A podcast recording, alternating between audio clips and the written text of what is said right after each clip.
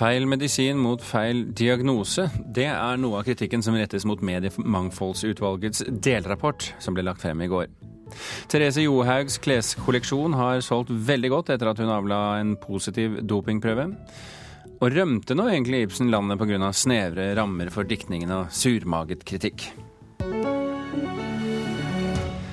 Det er eh, i hvert fall ofte historien vi hører, men er den sant? Og så spør vi om en saktegående fortelling om en halvgammel mann som ønsker å gå til hundene kan bli morsom. Du aner vel kanskje i hvilken retning begge disse svarene går, men du får, eh, får dem etter hvert her i Kulturnytt. Skal staten Norge også i fremtiden betale for å holde seg med en kommersiell allmennkringkaster, i tillegg til statsfinansiert NRK, slik de gjør med TV 2 i dag?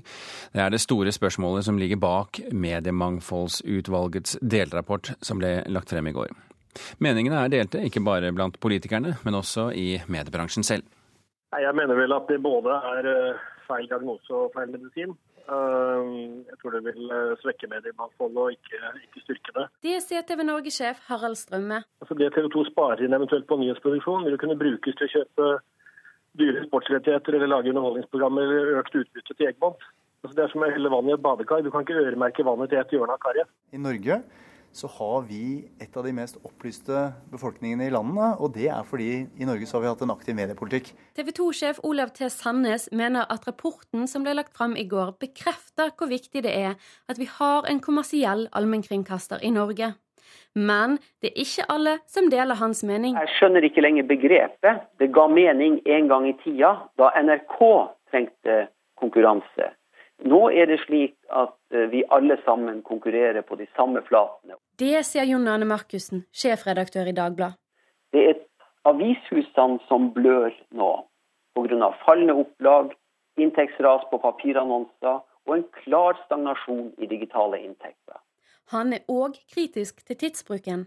For utvalget fikk bare fire uker på seg da de skulle vurdere mulige måter for Norge å finansiere en kommersiell allmennkringkaster. Dette er en kritikk han deler med Didrik Munch, konsernsjef i Skipsted. Her mener jeg de går definitivt for fort frem, og jeg mener det er uheldig at man prøver å løse én en enkelt sak i eh, mediepolitikken eh, som vil skape, eller vil kunne skape eh, utfordringer for andre deler av bransjen. Bl.a. at det vil kunne være konkurransevridende hvis man velger å gi statsstøtte til en enkel aktør. Fremdeles gjenstår det tid før det blir bestemt hvordan mediemangfoldet i Norge skal sikres. Og TV 2-sjefen han er tydelig på hva for en framtid han ser for seg. Vi har brukt all vår ressurs og alt vårt fokus på å sikre at vi fortsatt kan være posisjonert for å være kommersielle allmennkringkastere.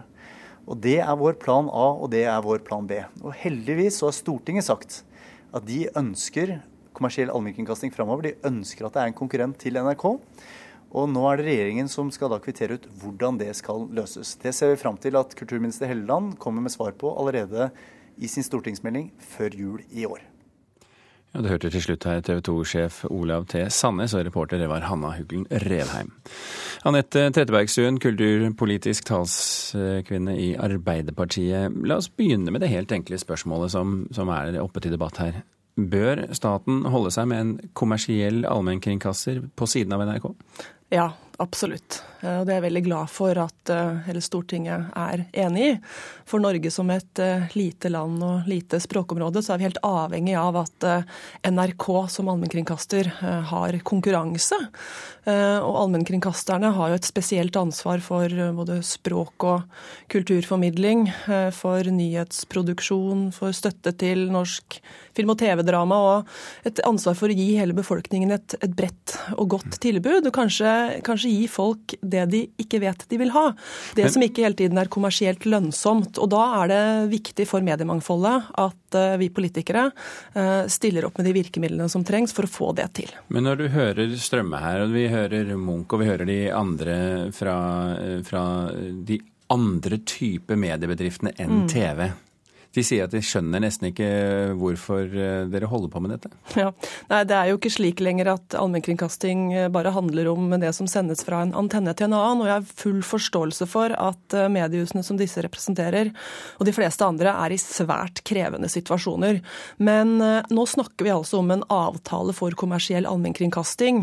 Og hverdagen til de andre mediehusene blir ikke enklere av at vi her ikke legger til rette for kommersiell allmennkringkasting allmennkringkasting. Jeg tror at eh, de løsningene som politisk må på plass i åra framover for å sikre mediemangfoldet på andre områder, de har verken opposisjonen eller posisjonen eh, svaret på i dag. Eh, men vi må i hvert fall gjøre det vi kan for å få på plass en kommersiell allmennkringkaster. og så må vi se på virkemidler for å styrke mediehusene og mediemangfoldet på andre plattformer senere. Kårstein Løvaas, eh, mediepolitisk talsmann i Høyre og med oss fra studio i Stortinget. Eh, når du hører eh, Strømme og Munch og Markussen her, som vi hørte i, i saken, er, er, du enig i eh, deres eh, perspektiv?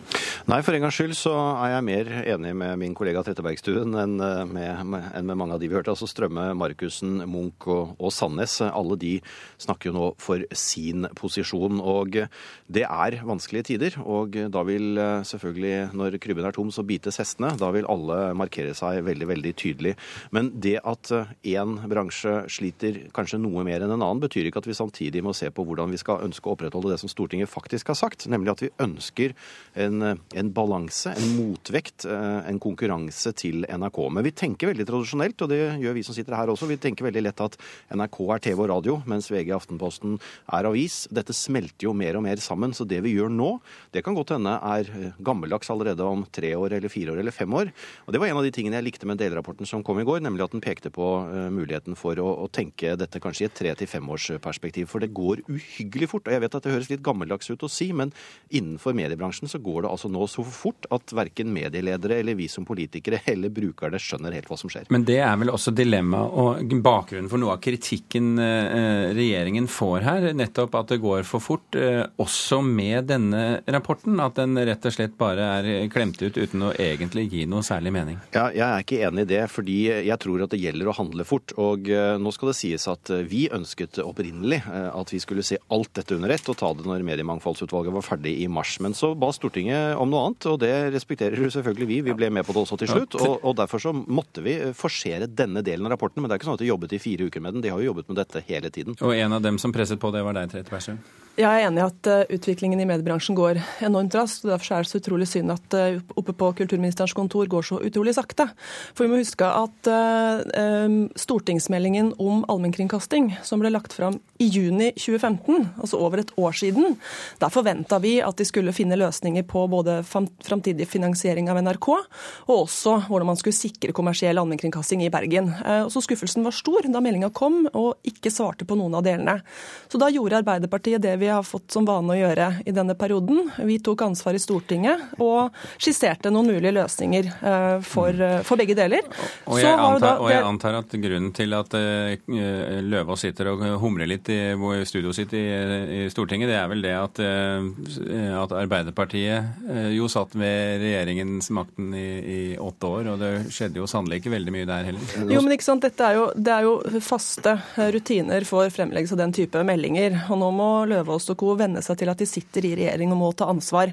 For den meldingen som Vidvei, daværende kulturminister, la fram, svarte ikke på de, på de største utfordringene for, for kommersiell eh, og statlig allmennkringkasting. Så Stortinget gjorde jobben, eh, og vi pekte på Eh, mulighetene for eh, å måtte kompensere en kommersiell allmennkringkaster for de forpliktelsene man tar på seg ved å drive den type tjenester. Det er nå sju måneder siden Stortinget sa det. Eh, statsråden har fortsatt ikke kommet med et forslag til Stortinget, og det syns jeg er utrolig svakt. Nå er ikke statsråden her, Løve, så du får svare du. Ja, det skal jeg gjøre. og det, Trettebergstuen vet jo løpet som ligger, og vet jo også at det Stortinget bestilte var en, en sak før jul. og Denne saken har jo varslet skal komme. En del av det arbeidet er jo nettopp den delrapporten som kom nå, hvor man ba Mediemangfoldsutvalget om å speede opp akkurat denne delen av arbeidet. Og jeg slapp å nevne de åtte rød-grønne årene, for det gjorde du, programleder. Men, men, men, altså man forventet at det skulle være en løsning i den eh, rapporten, sier Trettebergstuen, og så sier hun da måtte vi i stedet lage en løsning. Det er jo ikke sånn. Vi har, vi har lagd en bestilling til at vi ønsker å se på ulike modeller. Men det er jo ingen som har løsningen, og de som er lengst unna å ha den, er jo Arbeiderpartiet. De har ikke presentert ett eneste forslag til hvordan vi skal løse dette. Jo, det er vi som har tatt initiativet til det forliket vi inngikk, og nettopp pekte på modellen for løsning her. Men det er jo opp til uh, sittende regjering uh, med departement å, komme tilbake til Stortinget med den konkrete, konkrete, juridiske og økonomiske vurderingen av det. Og det er det vi nå etterlyser. Men, og nå har statsråden 73 dager på seg før fristen går ut. Men du erkjenner vel det du også, Trettebergstuen, at her er det ikke mange som har fasiten? Ei heller Arbeiderpartiet i opposisjon? Ja, altså jeg mener at nå er, jo, nå er det jo slik at det Stortinget sa i februar, uh, er jo det samme som eh, Mediemangfoldsutvalget i sin delrapport i går eh, peker på, at man trenger å finne en, en modell for kompens økonomisk kompensasjon for en kommersiell allmennkringkaster dersom det skal ligge i Bergen, og dersom man skal ta på seg de forpliktelsene som ligger.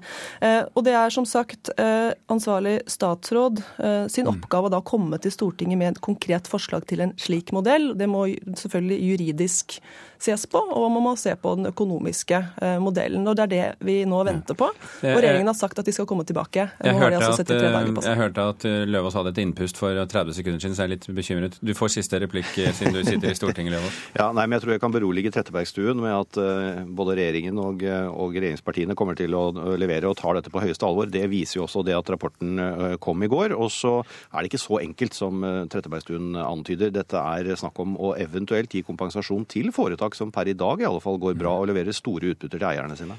Anette Trettebergstuen fra Arbeiderpartiet og Gårdstein Løvaas fra Høyre, takk for at dere var med i Kulturnytt.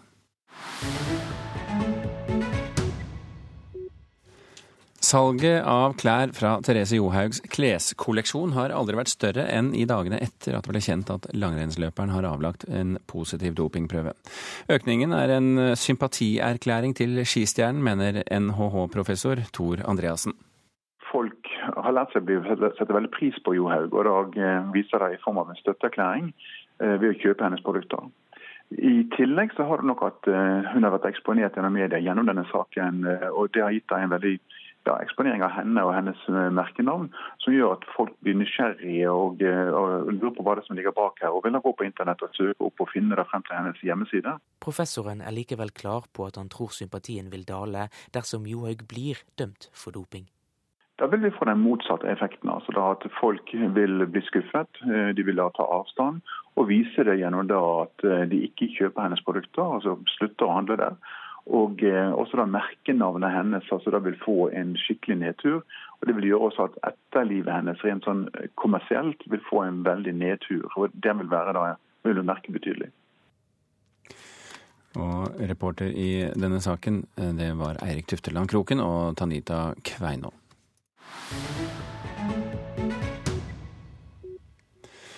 Så skal vi til eh, kulturbildet som avtegner seg i dagens aviser. Eh, reporter eh, Brage Berglund. Det er ikke så lenge siden Cappelen Dam ga ut biografien om Jens Stoltenberg, hvorav kritikken mot Jagland var en del av. Og nå er det Jagland som skal ut med bok. Hva kan vi forvente oss av den boka? Denne boka vil eh, ta utgangspunkt i Jaglands eh, egne memoarer. Og det er ventet at han vil skrive eh, om sin versjon av den interne maktkampen i Arbeiderpartiet mellom han og Jens Stoltenberg. Og det er det altså Dagens Næringsliv som skriver. Tidligere avslørte avisa at Jens Stoltenberg fikk hjelp til å forhandle fram en eksklusiv royalty-avtale med Cappelen Dam. Men det vil ikke skje i Jagland sitt tilfelle, opplyser forlaget forlaget, som bekrefter at Jagland har en såkalt normalkontrakt. Mm. Og Jaglands bok blir etter planen gitt ut i 2019. Så skal vi til en litt gøyal sak i Festival-Norge. Fordi at Norges største festival, Øyafestivalen, det er jo en slags arvtaker av den gamle Kalvøyafestivalen. Og det skjer et eller annet ute i Sandvika nå, forstår jeg? Det gjør det.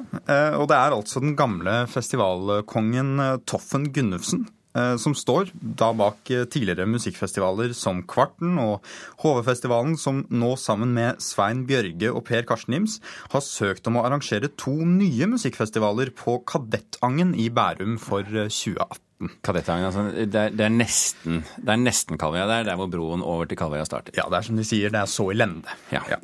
Eh, og det er det altså Aftenposten som skriver. Eh, og disse festivalene, det det er snakk om her, er altså en countryfestival og en popfestival. Ja.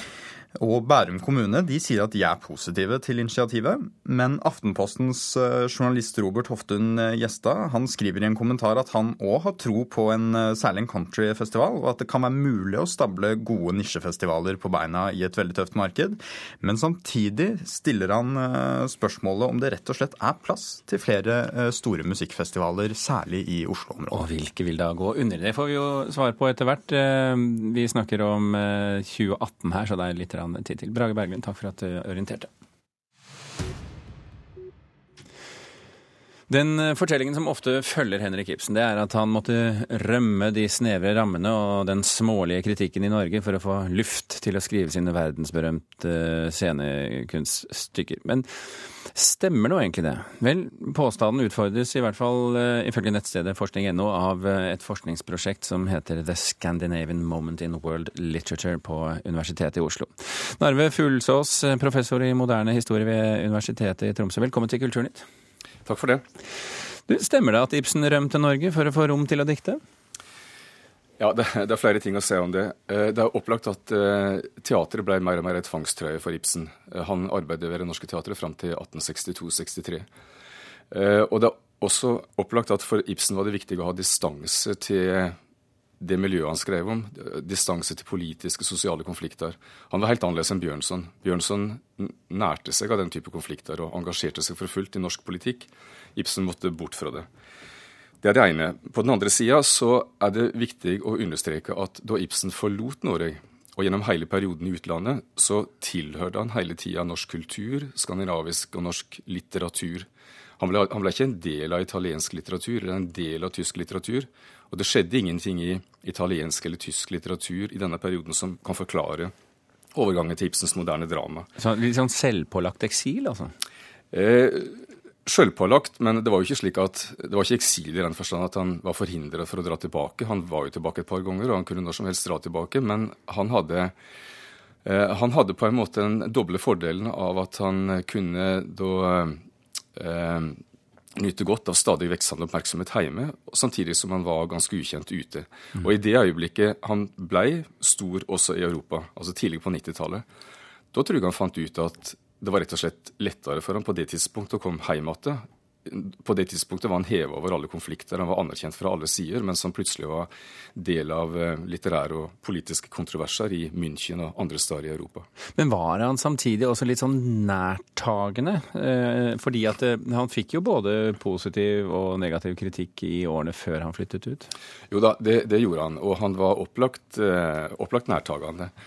Eh, samtidig så gjorde han jo veldig mye ut av den negative kritikken. Det var en måte å bygge en forfatterposisjon på som han, eh, som han eh, gjorde det maksimale ut av. For han, for han likte å være i opposisjon, ikke sant?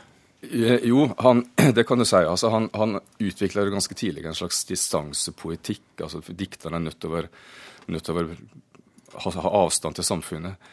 Eh, nødt til å være langt borte, se ting på, på um, avstand for å se klart. Mm. Men samtidig så, så, går det jo rykter om en vanvittig interesse for liksom, selve de trykte bøkene når de kom på kaia med, med båt? Ja, altså Ibsen er en, en helt uh, enestående salgssuksess som er vanskelig å forklare.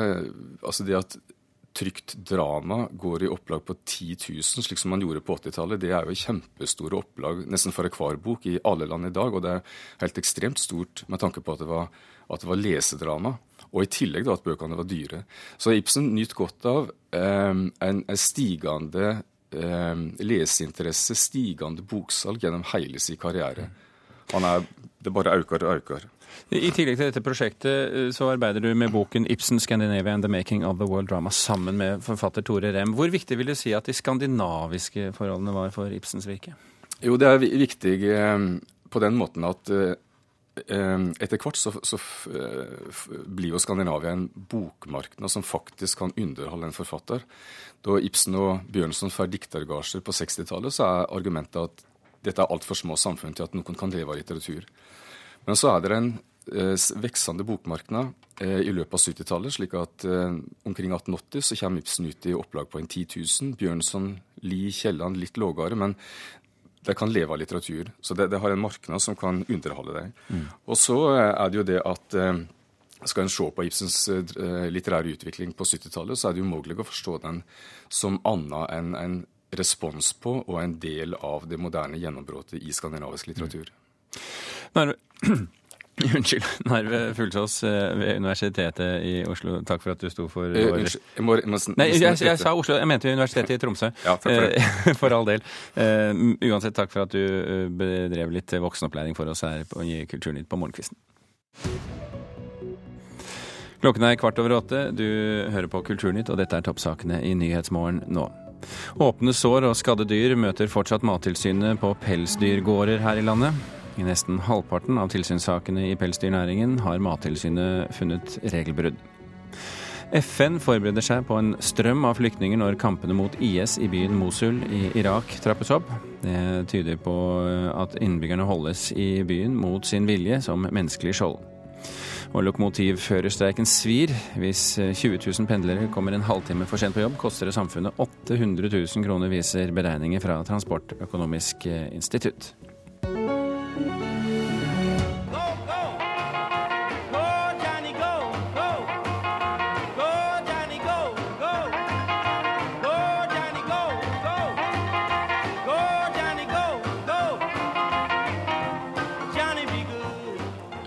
I går fylte rockelegenden Chuck Berry 90 år, og i gave til fansen, og for så vidt også til sin kone, så slapp han nyheten om at eh, det nye albumet Chuck slippes neste år. Den første platen hans på 38 år. Og en som kjenner Chuck Berry bedre enn nordmenn flest, eh, vil jeg tro, det er musiker Eigil Berg. Velkommen til Kulturnytt. Takk skal du ha.